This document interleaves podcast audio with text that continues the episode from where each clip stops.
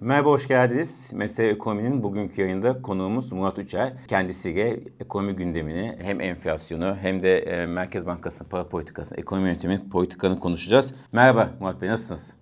Merhaba Semih'ciğim. Sağ ol. İyi olmaya çalışıyoruz bu ortamda olabildiği kadar. Kişisel olarak iyiyiz çok şükür. Endişeyle dünyayı ve buradaki sıcakları izliyoruz. Şimdi neye başlayalım? Önce istiyorsanız Bloomberg'deki analizle başlayalım. Bloomberg dedi ki Türk lirası tahviliyle gelişen, gelişen piyasalarda 2024'ün en karlı tahvil yatırımı olacak. Olabilir dedi daha doğrusu. Olabilir, ee, bu, tabii, olacak evet, dememiştim. olacak demedi. Evet, olabilirdi. Bu tabii büyük bir heyecan yarattı. E, ne diyorsunuz bu analize? Katılır mısınız? Gerçekten böyle bir ihtimal var mı? Yani ihtimal var tabii her zaman. Makaleye çok çabuk baktım, itiraf edeyim ama zaten genelde e, son 1-2 ayda çok duyduğumuz bir hava var makalede de. Hani e, bir heyecan var. E, Türkiye'ye bakış olumlu. Biz de bunu kendi işimizden hissediyoruz. Yani daha fazla insan Türkiye'yi soruyor artık.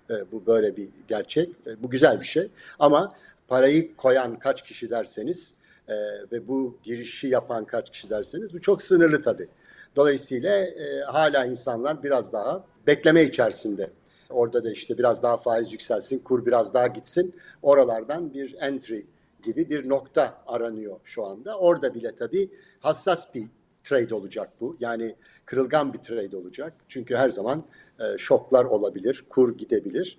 Dolayısıyla oradan ne kadar Türkiye atıyorum faiz 35 olsa bono işte ne bileyim kurda 32 olsa oradan kaç para gelir bence onu da e, sormak lazım. Bir zamanın referansı veriliyor işte 60-70 milyar dolarlar falan. Evet. Yani aslında Türkiye'de çok iyi para girmesi için benim kanaatim dezenflasyonun başlaması lazım. Yani kalıcı olarak Türkiye'nin enflasyonu kontrol altına alıyor. Resminin ortaya çıkması lazım. O açıdan biraz zor geliyor bana. E, benim çünkü enflasyonla ilgili maalesef tereddütlerim var. Şu andaki yaklaşımla enflasyonu gerçekten kalıcı bir şekilde düşürebilir miyiz? E, iki yıl içerisinde tek haneye gidebilir miyiz? Kafamda soru işaretleri var. Katılaşma gibi bir risk görüyorum ben. Fiyatlama hareketlerindeki kalıcı bozulma sonucunda filan. Biraz hızlı gittim ama yani evet. tabii yani olabilir. Ee, bir de Peki. bir şey söyleyeyim. Bir de bir şey söyleyeyim. Bu yıl için biliyorsun bütün dünyada tahviller için evet. The Year of the Bond olacak diyorlardı. Ee, tahvilin yılı olacak diyorlardı. Her yer kan revan içerisinde. Son birkaç gün gerçi e, düzeldi ama E, Amerika falan. Neyse pardon biraz şey. Peki evet, yok, yok. olabilir ama toparlarsam yani daha farklı şeyler yaşanması evet. gerekiyor. Evet. Peki, peki şimdi katılaşma dediniz. Onu sorayım size. Şunu da sorayım. Niye enflasyon konusunda şüpheniz var? Bir de katılaşma nerede olacak? Ben e, katılaşma derken böyle bir 45-50 bandında Hmm, enflasyonun takılma riskini görüyorum. Bunu aslında yıllık olarak takip etmek de baz etkilerinden dolayı falan malum. İşte Mayıs çok söylendi. Merkez evet. Bankası gayet güzel zaten işte analizlerini e, revize etti falan bir çıktı açığı koydu falan. Onlar tamam. Ee, ama aylık mevsimsellikten arındırılmış aylık ritmine bakmak lazım. İvmesine bakmak lazım. Ee, matematik olarak işte 12. şeyi alırsan güce 3,5 ile 2,5 arasında bir yarış var önümüzdeki dönemde. Yani aylık e, enflasyonun e, ritminin iki buçuklara hatta onun altına inmesi lazım ki önümüzdeki süreçte enflasyonun düştüğüne kani olalım. Benim korkum üç üç buçuklarda tıkanabileceğimiz, takılabileceğimiz şeklinde. Hani bunun etrafı tabii oynaklık olabilecektir ama hani üç buçukta e, tıkanırsak onun tekamül eden yıllıklandırılmış enflasyon 50 e, falan oluyor. Yani onları yapmak lazım Excel'den evet. 3,5. Böyle bir aylık şeye bakıyorum ben. E, mevsimsellikten arındırılmış. E, benim indikatörüm o önümüzdeki süreçte. Yıllık rakamlar çünkü dediğim gibi çok korkunç baz etkisinden müzdarip. Peki çıktı, çıktı açığı dediniz. Enflasyon raporu vardı geçen hafta. Ee, orada şimdi iki numara grafik arkadaşlar ekrana getirecek iki numara grafiği. Ee, şimdi Orada da çıktı açığı gözüküyordu. Şimdi bu tablo ne söylüyor? Yani hem büyüme tarafında, enflasyonu biraz anlattınız gerçi kendi beklentiniz ama büyüme tarafından ne söylüyor? Yani bizim enflasyonu ciddi bir şekilde düşürmemiz için, işte bu hedefler doğrultusunda düşürmemiz için ekonomiyi bu kadar yavaşlatma yetecek mi? Ya bir ekonominin tabii ekonominin bir yavaşlatma olayı var. Yani orada talebi yavaşlatıp bir direkt bir, bir etkilenme kanalı var. Bir de beklentiler var. Yani benim daha önemsediğim e, kanal beklentiler, fiyatlama hareketleri. Yani enflasyonist de, e, dinamiklerde beklentilerin önemi çok büyük. Dolayısıyla siz ekonomiyi yavaşlatırken aynı zamanda insanları hedeflerinize inandırmanız lazım. genelde bu maalesef çok derin daralmalarla olabiliyor.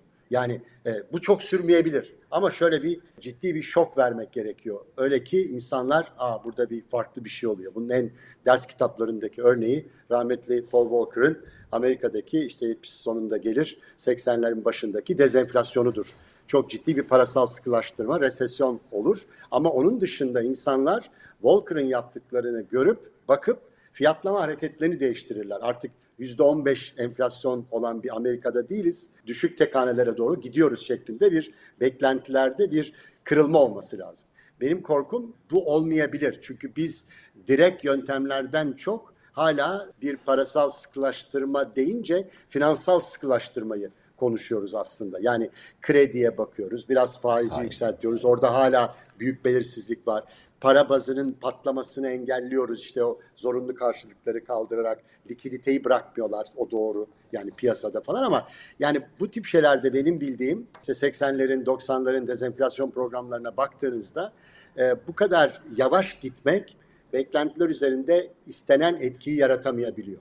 Ve maalesef orada bir kere mahsus bir maliyet almak gerekiyor. Ben biraz oradan endişeliyim. Ama o resim doğru tabii. O resim en azından Temmuz'a göre çok doğru. Çünkü Temmuz'da hiçbir şey olmuyordu.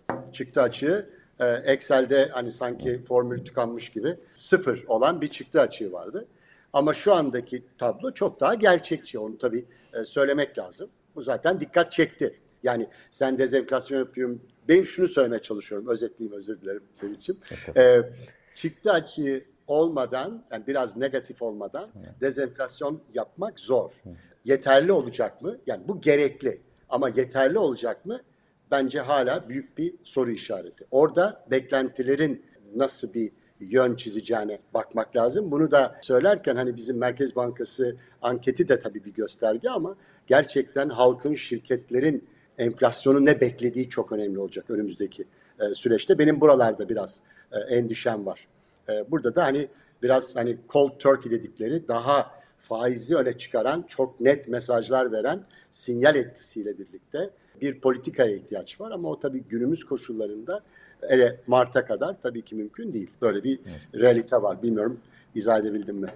Gayet güzel ettiniz. Etmez misiniz?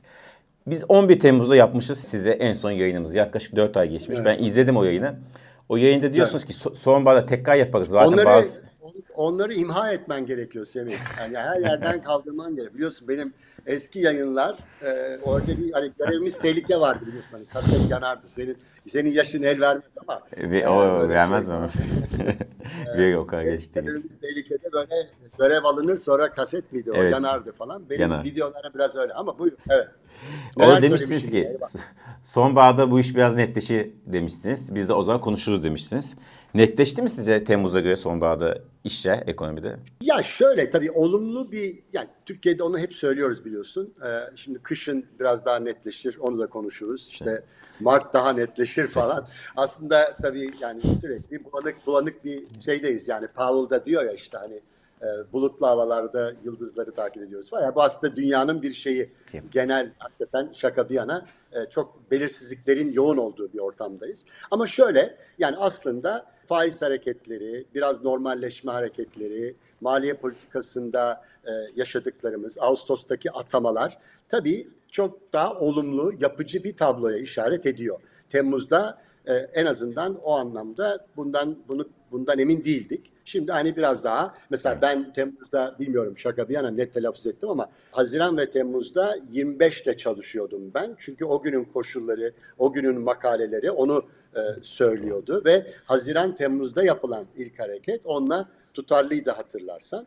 Ama o tabii korkunç Temmuz, Ağustos, Eylül enflasyon rakamlarından sonra 9 artı 9 artı 5 artı olan e, tabii buradaki dinamikler de değişti. Faizde artık 40-45 telaffuz edilir oldu falan. Yani bunların hepsi aslında tabii olumluya doğru bir nevi netleşme. Ama hani hala e, resim nereye gidiyor konusunda büyük belirsizlikler var. Yani çünkü önümüzde hala bir mahalli seçim var. Mahalli seçime kadar büyüme e, feragat edilemez. Yani e, belki büyüme feragat edilecek ama yine dağıtımcı politikalarla işte asgari ücreti ayarlayarak falan filan bütçeden belli transferlerle falan bu mali seçime kadar büyüme yürütülecek yani pozitif tutulmaya e, çalışılacak falan. İşte orada rezervler e, hassas bir konu olarak takip edilmeye evet. devam edilecek. Yani önümüzdeki 5 ayın konuları hala büyüme, rezerv, cari açık falan dinamikleri. Ondan sonra ancak tekrar enflasyona bakacağız falan. O anlamda tabii netlik e, konuşmak için henüz çok erken tabii. Ama Temmuz'a göre özellikle Ağustos'taki atamalar falan bu Merkez Bankası'nda olan sonraki faiz hareketi, sonra KKM ile ilgili mesela olumlu evet, gelişmeler. Evet, ben hala KKM ile ilgili e, aslında görüşümü genelde değiştirmedim. Yani o bir dolarizasyon ve onu tamamen çözmeniz ancak makroyu oturtmanızla mümkün. Marjinal olarak kazanımlar oluyor. Yani mevduat faizleriyle biraz oynanarak alternatifsizlikten evet. olsun, işte bankalar hedefleri tutturdukları için falan neyse biraz mevduat faizi düşerken bile insanların e, KKM'ye girdiğini görüyoruz. Yani 4 haftanın toplamı 3 çıktığını özür dilerim Çıktı. pardon. 300 300 milyar gibi bir rakam. Ondan önce de 100 3.4 oldu sana 3. Yani hiçbir şey olmuyor değil ama hala bir dağ var Değil. orada yani. Peki şimdi dediğiniz biraz hani, olumlu adımlar var özellikle yaza göre, sizin son yayınımıza göre. Bir de son dönemde zaten seçimden sonra düşmüştü CDS, Türkiye CDS'i. Ee, ama sonra hafif yükselmişti. Tabii jeopolitik sebepler var. Sadece ekonomi yönetiminin aldığı politikaların bir sonucu diyor ama son bir hafta tekrar düşüşe geçti. 400'ün altına indi. Neredeyse seçimden sonra en düşük seviyesine kadar geldi. Bu bize bir şey söylüyor mu? Çünkü aynı zamanda dış borçlanma da yapıyor Türkiye gitgide daha çok. İşte sukuklar yapılıyor. Tabii. Bunlara baktığınızda hani bunlar e, en azından küçük de olsa pozitif adımların bir sonucu mu? Şimdi e, şöyle galiba bu son hareket tabii bakmak lazım. Yani IM toplamında ortalamasında evet. ne oldu, bizde evet. ne oldu, biz farklılaştık mı? Biraz farklılaşmış olabiliriz ama burada küresel bir fenomen de var tabii onu koymak lazım. Yani daha işte Amerikan hazine faizleri de zaten 5'ten 4-6'ya geldi. Evet. Anlatabiliyor muyum? Dolayısıyla orada bir beta var. Yani o, o bizi de etkiliyor. Yani işte son istihdam rakamı olsun, Powell'ın mesajları olsun. Ha görebildiğim kadarıyla orada devam, bilimsizlikler devam ediyor. Tekrar 5'e vururuz yani belli olmaz o. Geçeriz belki. Ama hani şu anda bir genel dünyada bir e, IM'e karşı da bir, bir olumlu bir hava var e, gibi gözüküyor. Biraz biz bence bundan istifade ettik gibi geliyor bana. Bir de tabii hani her şeye rağmen rezerv yakmıyoruz mesela şu aralar. E, bu da olumlu. Yani arttık artmıyor bence rezervler ama insanlar bunları takip ediyorlar. Belki o taraftan belki Türkiye'nin de bir e, pozitif ayrışmış olabilir. Rakama bakmam lazım. Ama ben daha çok ağırlıkla küresel olduğunu e, zannediyorum olayın. Peki şimdi Murat Bey şunu sor. Bizim seyircilerimizden soru topluyoruz arada sırada. En çok merak ettik şey 2024'te bir resesyon ve stagflasyon yaşar mıyız? Ya şimdi tabii stagflasyon falan bunları iyi tanımlamak lazım. Şimdi Türkiye'de bir defa Merkez Bankası'nın çıktı açığını konuştuk, değindik en azından. Orada herkes kendi hesabını yapıyor ama e, büyüme, e, ima edilen büyüme oradaki rakamlardan bilmiyoruz tabii. Merkezin potansiyel büyüme olarak ne aldığını bilmiyoruz. Evet. Oradaki iki buçuk mu, üç mü onu bilmiyoruz evet. falan filan falan. Ama sıfırla bir buçuk arası rakamlar e, yani dört e, OVP'de onun yarısı ve yarısının da altında bir büyüme rakamından bahsediyoruz. Yani bu tabii resesyon değil tanımı gereği. Hani Türkiye'de nüfusta yüzde bir falan hani bir, bir buçukluk bir büyüme demek işte kişi başına reel gelir yerinde sayıyor demek. Bu ciddi bir resesyon tanımı mı tartışılır. Türkiye'de bunların da çok hani standart tanımı yok. Mesela Çin'de e, 4 resesyon olabilir. Amerika'da iki çeyrek arka arkaya daraldığın zaman resesyon oluyor. İşte daha akademik tanımı var NBR'in falan. Hani daralma diye bakarsak e, kişi başına mesela reel gelirin daralması diye bakarsak öyle bir ima yok o grafiklerde. Ve bence büyüme odaklı politikalar e, seçimlerden sonra da Türkiye'de devam edecek. Dolayısıyla ben böyle derin bir resesyon beklemiyorum. Ben biraz böyle 90'ları çok yine tekrar yaşımı da el veriyor buna tabii. 90'ları çok 90'ları çok e, düşünmeye e, başladım biraz. Hani böyle acaba 2 3 orada 90'larda ortalama büyüme 3'tür. Enflasyon 80 ile 60 arası gider gelir. O kadar yüksek enflasyonun olması e, söylemiyorum. Ama hani demin yine konuştuk 40-50 enflasyon 2,5-3 büyüme gibi böyle bir şeyde takılıp bir müddet bu dengeyi götürmeye zorunda kalabilir miyiz? Veya böyle bir denge söz konusu olabilir mi? Yani kurda işte enflasyon kadar gider. 90'larda böyle bir dinamik vardı. İşte ücretler de enflasyona endekslenir falan. E, ara sıra işte kendimizi açtığımız zaman 94 krizi olur, 98 Rusya olur falan. O ayrı tabii dalgalanmalar ama 90'ların tamamına baktığında böyle bir yüksek enflasyonda görece işte şey bir büyüme e, çok Düşük. Türkiye'ye yakışmayan ama 3 gibi düşükçe bir büyüme gibi. Stagflasyon herhalde demek için çok erken. E, böyle bir resim görüyorum diyeyim. E, bilmiyorum ne kadar cevaplayabildik ama evet.